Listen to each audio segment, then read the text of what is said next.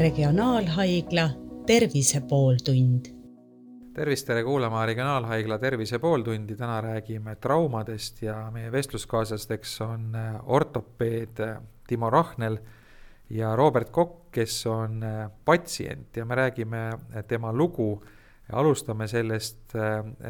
Robert, palun rääkige, kuidas te ortopeedi juurde sattusite, mis juhtus? põhjuseks oli täiesti regulaarne jalgpallitrenn, see oli kusagil oktoobri alguses, mis toimus Lasnamäel mm, sisehallis, kus on siis kunstmurukate. ja ma mäletan seda, et, et, et see kunstmurukate oli vist harjumatult kuiv ja, ja trenn oli nagu iga teine ja, ja toimus mingisugune täiesti juhuslik tobe kokkupõrge, võitlus palli pärast teise mängijaga ja kuidagi siis äh, Mm, kukkusin nii tobedalt, et kukkusin oma jala otsa, äh, pikali maha, käis, käis äh, hull ragin ja sain vist aru, et, et midagi on vist pahasti. ja alguses jah, ise kohe midagi ei tundnud, valu, valu ei olnud ja siis, kui kaasmängija küsis, et kuule, et miks su jalg nagu nii imelikus asendis on, et, et midagi oli seal väljast nagu niimoodi paigast ära, siis, siis sain aru, et on pahasti, et siis äh, trennikaaslased kutsusid äh, kiirabi, kiirabi oli päris kiirelt äh, kohal Äh, toimetasid, toimetasid EMO-sse ja, ja sealt siis, sealt siis hoolitseti mu eest juba edasi ja, ja kuni siis selgus, et on vaja öö, äh, operatsioon teha. nii edasi, äh, järg läheb doktor Rahneli kätte, et, et mis, mis te siis Roberti jalaga ette võtsite? et Robertil oli jah, selline hüppeliigese või pindlumurd, et kus oli piisavalt suur nihe, et ikkagi kaaluda lõikusravi, et saada see murd ilusti paika ja, ja parandada kaasuvad vigastused. selliste vigastustega paljud, kõiki selliseid haigeid me ei saa haiglasse võtta tihtilugu, meil ei ole lihtsalt, ei piisa ruumi, et siis sellised vigastused, kes saavad kodus oodata, lähevad koju ja annavad sellist esmast abi iseendale ja siis kutsutakse lõikuseks uuesti haiglasse ja tihtilugu saavad samal päeval ka koju, nii oli ka Robertiga. Ehm, Roberti puhul natuke, mis oli ebatüüpiline, et kokkuvõttes vajasime kahte lõikust, et see saaks äh, hästi see kogu murd ja kaasnev vigastus ära parandatud, et seal teatud vigastustel kaasnevad ka sidemete vigastused ja ja seda lõiku seal on meil kohati on küllaltki raske aru saada, seal üks side sai kohe esmasel lõikusel parandatud, aga siis kahtlus jäi, tundus ta ikkagi lõikuse ajal nende diagnostikameetodid, mis meil on kasutada, all, et ta on piisavalt hea kuid pärast lõikust oli väike kahtlususs oli sees ja sai seal tehtud võrdlevad uuringud terve jalaga ja ka kompuuteruuring, kus siis see kahtlus sai tõeks, nii et pidin tunnistama nii Robertile kui endale, et, et oleks pidanud esimesel lõikusel võib-olla kõike seda os-, oskama kohe lahendada õigesti ja siis sai ta mõne päeva pärast uuesti opereeritud, kus siis see ka pindlu ja sääreluu vahelised sidemed said fikseeritud ja, ja õnneks tundub, et jõuame vist sinna, aga kokkuvõttes tulemus sai igati hea ja, ja see on põhiline. Robert, eh, kuidas taastumine on olnud, kas eh, olete tagasi jalgpalli mängimas? Ma jalgpallist loobusin eh, mitte sellepärast, et jalg ei lubaks, ilmselt lubaks, lihtsalt mõtlesin, et, et kui ühe korra juba vedas, siis, siis võib-olla teist võimalust pole vaja anda, et ja keskendun rohkem teistele spordialadele, kus see kontakti, kontaktipuude kaasmängijatega või see oht on nii-öelda väiksem.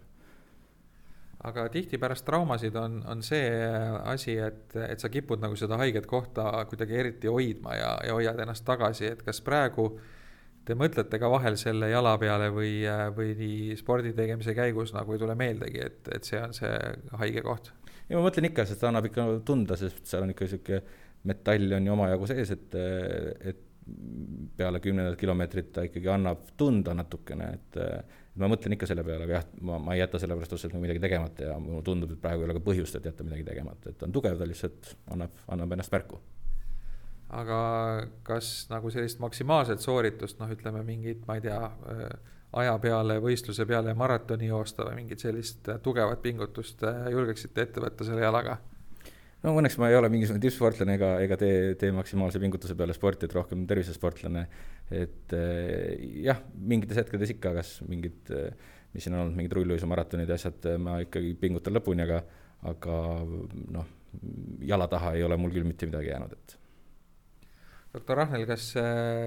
te oma töö tulemusega nii palju jääte rahule, et julgete soovitada, et, et võib anda maksimaalse koormuse ja võiks sellise, sellise jalaga minna ka aja peale näiteks maratoni jooksma? võib küll, kui haige ise tunneb, et ta on ka valmis, et tihtilugu ongi see psühholoogiline faktor on ka alati juures, et seal mingid vigastused, mis me võime nagu väga edukalt ära parandada, võime ka või hiljem võib-olla rääkida mingitest juhustest, siis on alati see psühholoogiline pool, et seal vahel jalgpallis ja, ja üldse suuremate vigastustega ongi see, et võib-olla keha on terve ja väga hästi taastunud, aga lõpuks jääb see mingi väike klõps siia sisse pähe, et sa ei lähe enam igat, igat asja sada protsenti, sada kümne protsendiga enam sinna olukorda, et, et see võibki seal tippspordis takistuseks saada, aga harrastussporti ma arvan küll, et saab väga hästi teha ja Robertil on seda metallimplantaadid ka sees, et vahel on seal lähedal kulgevad siis eh, eks kõõlused sidemed, et eh, vahel võib sealt nagu ärritus jääda, kui on aktiivsem inimene, siis on ka variant alati need ära võtta sealt, kui on murd paranenud, mida saab juba tavaliselt teha seal kuue kuni kaheteist kuu pärast. ja siis võib-olla kaovad ka need viimased tundmused ära sealt, et nii, et inimene võib-olla ei mäletagi, et ideaalne olukord meie seisukorra kohalt olekski see, kui inimene enam ei mäleta, et et kumb jalg see oli või et mis mul kuskilt katki oli kunagi, et siis on tõe-, tõenäoliselt väga hästi see paranemine toimunud, kui enam seda ei mäletata. Robert rääkis, et ta loobus jalgpallist ja valis äh, vähem kontaktsemad spordialad, et äh, see kipub olema niimoodi, et äh, et korvpallis, jalgpallis, teistes pallimängudes on see adrenaliini tase läheb nii üles ja võistlushoos ei, ei märkagi ja teeb, tekivad vigastused ja eriti, kui on tegemist juba keskealiste või vanemate inimestega, et siis ka äh,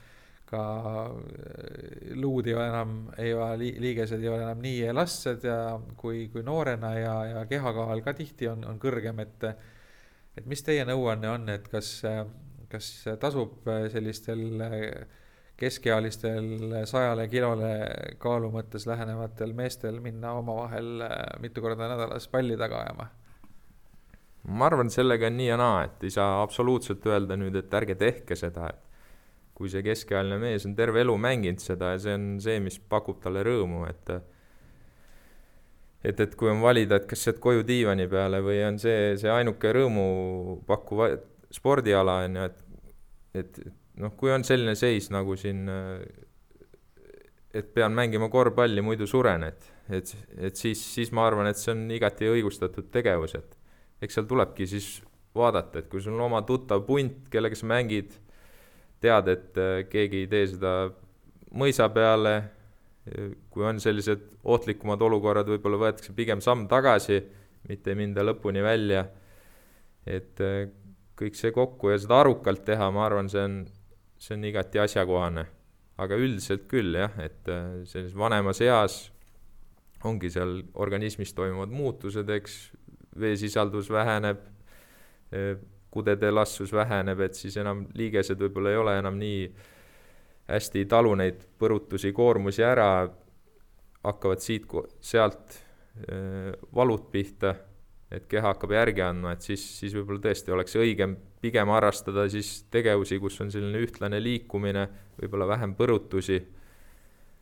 et, et need oleks tõenäoliselt tervislikumad liigestele, aga veel kord, et kui see pallimäng on see, mis just rõõmu pakub, siis miks mitte, et kui, kui sa ka ennast pärast trenni väga halvasti ei tunne, et,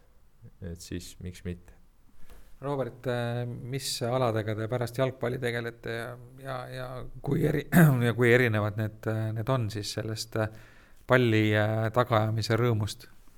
noh, võib-olla see jalgpalli kõige suurem rõõm ongi see meeskonnamäng ja meeskonnasport, et et praeguseks on jäänud võib-olla rohkem individuaalsed alad nagu jooksmine, jõutrenn Äh, suusatamine, sellised individuaalalad. Aga kuidas te ennast seal vigastuste eest hoiate, et kas te ka kuidagi pärast seda traumat nagu teadlikumalt vaatate, et ennast hoida rohkem? midagi nagu konkreetselt otseselt ei tee, et, et, et mul praegu ei, ei tunne, et jalg midagi, segaks midagi tegemast, et pigem lihtsalt proovid mõistusega võtta, teed sooja enne, kui, kui vähegi on viitsimist natukenegi venitada pärast Ehm, ja lihtsalt annad, annad aru, et, et, et lähed tervisesporti tegema, mitte mingisugust tulemust tegema, et. doktor Rahnel, mis nõuannet te annaksite, kuidas teha trenni niimoodi, et, et see vigastuse oht võimalikult väike oleks, et kas siin on mingid ettevalmistused, mingisugune varustust, riietust puudutav asi või midagi veel, et, et kuidas see kõige suurem tõenäosus on, et see trenn siis mööduks ilma traumadeta? no ma arvan, tuleb kui täiesti uue alaga hakata tegelema, siis kindlasti on mõistlik seda mõne asjaliku treeneri juhendamisel hakata tegema ja kui, kui, kui juba tegeletakse tuttava alaga, on mingi paus olnud, noh, siis on kindlasti vaja meelde tuletada, et nüüd on paus olnud, et mitte samade koormustega nüüd jälle edasi panna, millega ma viis või kümme aastat tagasi või kakskümmend aastat tagasi lõpetasin, et ehk siis asjakohased koormused, õige tehnika, õige asjakohane varustus alati aitab kaasa et ma arvan, need ongi need võtmesõnad, et ja see varustus ja riietus kindlasti peab selline olema, et on mugav teha ja igale alale on ju tänapäeval juba nii hästi need arenenud, et et vastav, vastav varustus siis muretseda, kui ikkagi on näha, et see ala meeldib ja, ja hakkangi sellega tegelema, et. no enamasti need traumad on ju kergemad, et nii mm., nii äh, halvasti, et, äh, et peab operatsioonile minema, nagu Robertil läks, äh, õnneks enamasti ei lähe. aga mis on see ohumärk või, või millal tuleks kindlasti arsti poole pöörduda, oletame, kui on selline kergem trauma, natuke saad haiget, lonkad sealt platsilt minema, aga noh, väga hullu ei ole midagi. et mis, mis nõude annate, et mil-, millal on need olukorrad, kus peaks kindlasti laskma arstil asja üle vaadata? Ma arvan, see Roberti näide oligi väga hea, sissejuhatus ilusti rääkis, et käis korralik raks, keegi ütles, kuule, et sul on jalg ju päris viltu ja ja, ja valus oli ka tõenäoliselt, et, et kui suur valu ja ja selgelt jäse viltu all, et noh, siis on küll kindlasti õige kohe pöörduda. aga tõepoolest, enamus traumasid on ju kergemapoolsed ja ma arvan, siinkohal ka selline, ma ei tea, kaine mõistus või talupojatarkus või common sense, et äh, et ongi, et kui tundub, et väga hull ei ole, isegi mängisin edasi, pärast valutas, noh, et siis võib ju ka vabalt sellise esmaabi ise anda endale ja, ja, ja kui ei lähe väga paista see jäse või see vigastatud koht, et saab mingit koormust anda, et siis esmane külm, rahu, võib-olla seal mingi tugiside, valuvaigisti, tõstetud asend et neid ju oskab enamus ise teha ja võib ka vabalt seda kolm-neli-viis päeva jälgida, vaadata, et kas see hakkab juba paremaks minema, kui ei hakka, või jääb ikkagi kahtlus, äkki on midagi tõsisemat, siis, siis pöörduda arstile, eks. aga jah, kui sul algul ikkagi on selge tunne, et midagi nüüd rebenes, midagi läks katki, jäse on ebaloomulikus asendis, on mingi haav, kust vaatab midagi ebaloomulikku välja väga tugev valu, väga suur turse, noh siis on õigem ikkagi suhteliselt kohe pöörduda arstile, et no võistlussportlased tihti kirjeldavad seda enda kogemust äh, nagu läbi valu kogemust, et tihti äh, on, on meeletu valu, aga ikkagi võistlusolukorras tehakse lõpuni ja see on nii-öelda osa, osa sellest äh, ametist ka. aga nüüd äh, harrastussportlased, kes ka tegelikult ju võistlevad ka rahvaspordiüritustel ja, ja tihti see äh, see adrenaliini tase on ju väga kõrge, et sa ikkagi tahad ennast ületada või, või mingit kohta saavutada. ja, ja noh, sageli sa ikka ilma päris valuta ei saa, et kas on mingisugused sellised noh, mingid kriitilised märgid ka, et vot, vot sealt enam edasi ei tohiks nüüd hoogu juurde panna, et, et see valu läheb liiga suureks, et, et kuhu maani see selline normaalne ja tervislik kannatus on ja, ja kust maalt alates see asi läheb juba ohtlikuks ma arvan, et see on jälle väga personaalne, et inimestel on niivõrd erinevad valuläved, äh, et, et, et mõned võib-olla mängivad lõpuni pea kaenlas põhimõtteliselt, aga, aga teised väiksema valuga juba tunnevad, et ei saa edasi mängida, et äh, mis on minu kogemus, et äh, eks peabki ise ära tunnetama ikkagi. kui on ikkagi näha, et selgelt nagu tursub ja tursub ja, ja valu suureneb ja, ja, ja tundub endale, et midagi tõsisemat on, noh siis kui just ei ole mingi võistlus, milleks sa oled võib-olla aastaid valmistunud, et, et sa igal juhul pead selle ära tegema, et siis, siis on võib-olla targem pooleli jätta, aga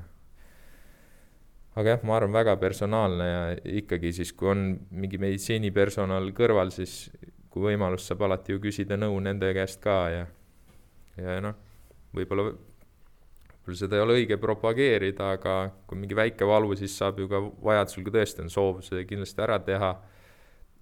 kõige hullem ei tundu, siis, siis võib ka ju niisuguse väikse käsimüügidoosis valuvaigisti sisse võtta, et et kui on tõesti soov lõpetada, aga kui tõesti selle, sellest ei piisa ja ikkagi piisavalt segav on see valu, et siis, siis peaks pigem jah, küsima nõu või ära lõpetama. no me enne rääkisime siin pallimängudest ja, ja võistkonnaaladest, aga, aga need siis teatud vanusest ja, ja teatud füüsilisest vormist alates võib-olla enam kõige soovitamad ei ole mis te soovitate, mis on sellised äh, tervisele ohutumad spordialad, kus vigastuste mm, oht on väiksem ja, ja mida võib teha võib-olla siis ka, kui, kui vahepeal on paus sisse tulnud ja ei ole vorm enam äh, kõige parem? ma arvan, tegelikult parim äh, vastaja oleks sellele mõni füsioterapeut, kes tegelevad niisuguse treeninguga ja ettevalmistusega, aga nii palju, no mul ei ole kohe siin äh, mõnda artiklit teile lauale visata, et vot siin on hea artikkel, kus sellist asja on uuritud, aga üldiselt nii palju, kui ma kuulnud ja, ja lugenud olen, siis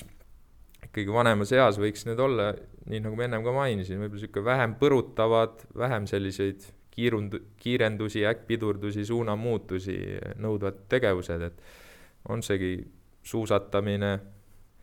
eh, pehmel pinnasel sörkjooks, rattasõit, rulluisutamine jõutreeningut soovitatakse täitsa vanadele inimestele, et see on näidatud, et, et äh, aitab vältida siis kukkumisi ja tasakaaluhäireid. et kui on lihaskond heas toonuses, et kõik see oleks nagu pigem soovitavam, kus ei ole niisuguseid suuri põrutusi ja, ja, ja kiireid suunamuutusi ja sellist kiir-, väga kiiret reageerimist vajavat tegevust võib-olla no me räägime põrutustest ja kiirest äh, suuna muutmisest, siis tuleb silme ette kohe äh, jalgpall. ja, ja kui me näeme seda, kui palju kasvõi ühe sellise professionaalse matši jooksul vigastusi on ja, ja, ja millised valugrimassid seal ja, nendel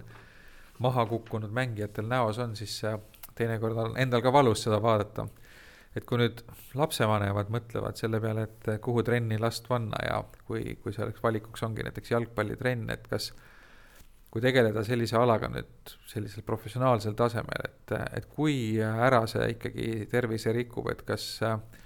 te nüüd oma praktikast näete selliseid äh, professionaalseid jalgpallureid, kes on võib-olla seal kümme pluss aastat äh, aktiivselt selle alaga tegelenud,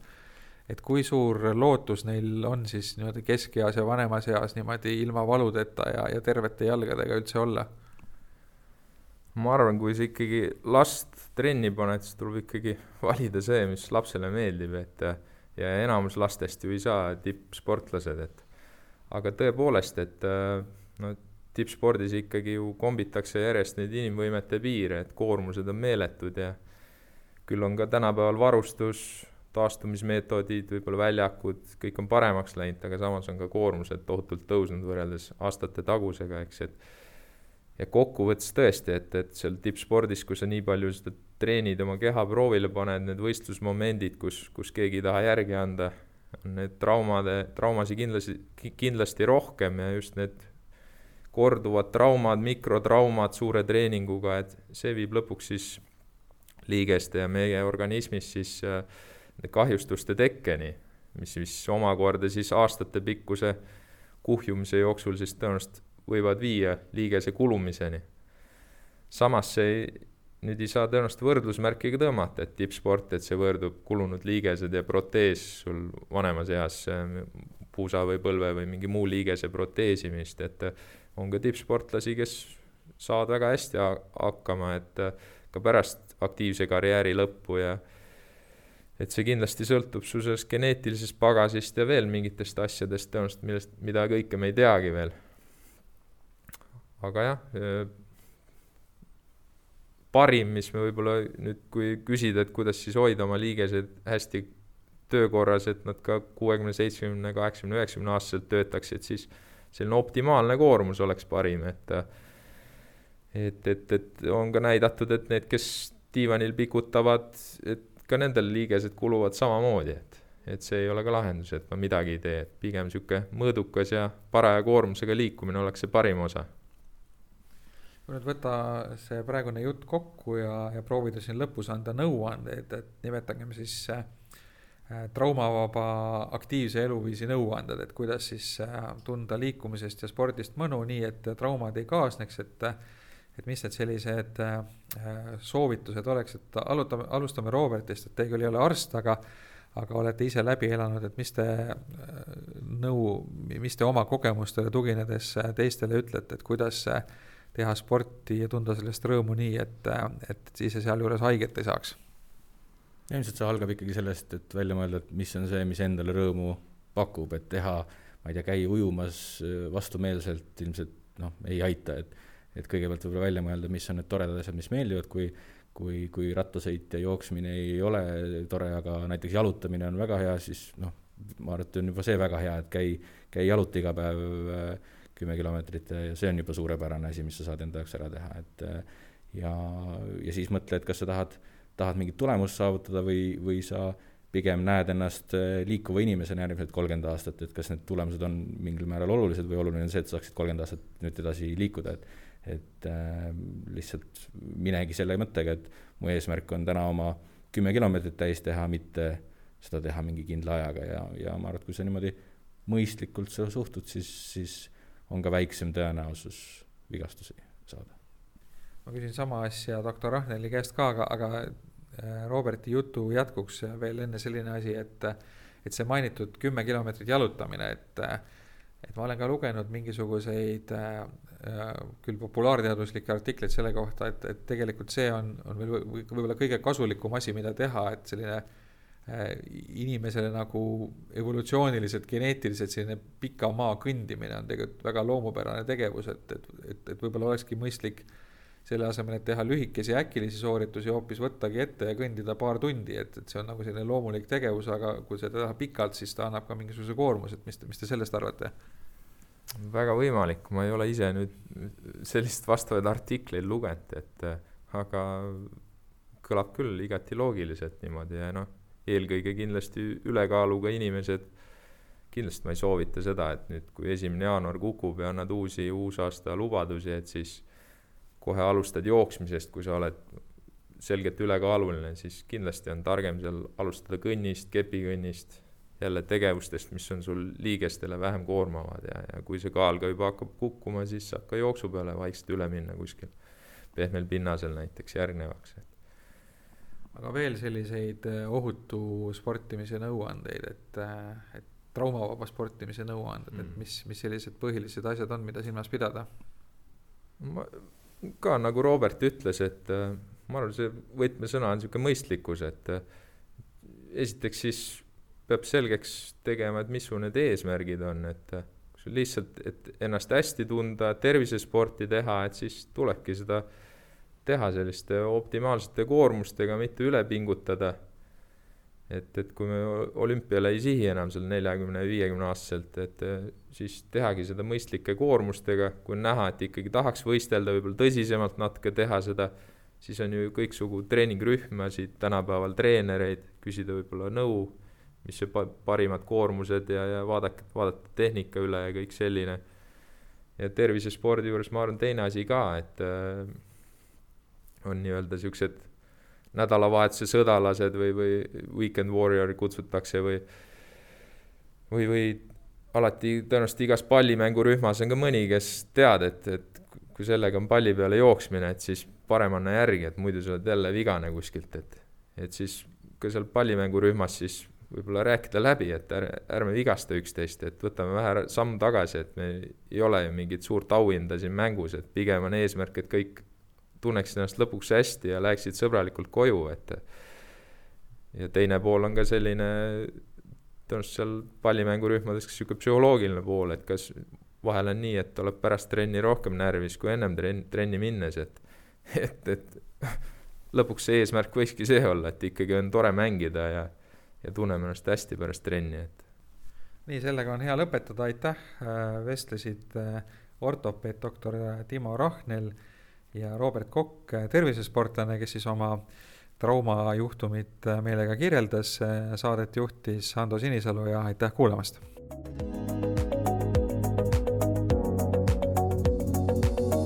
regionaalhaigla Tervise pooltund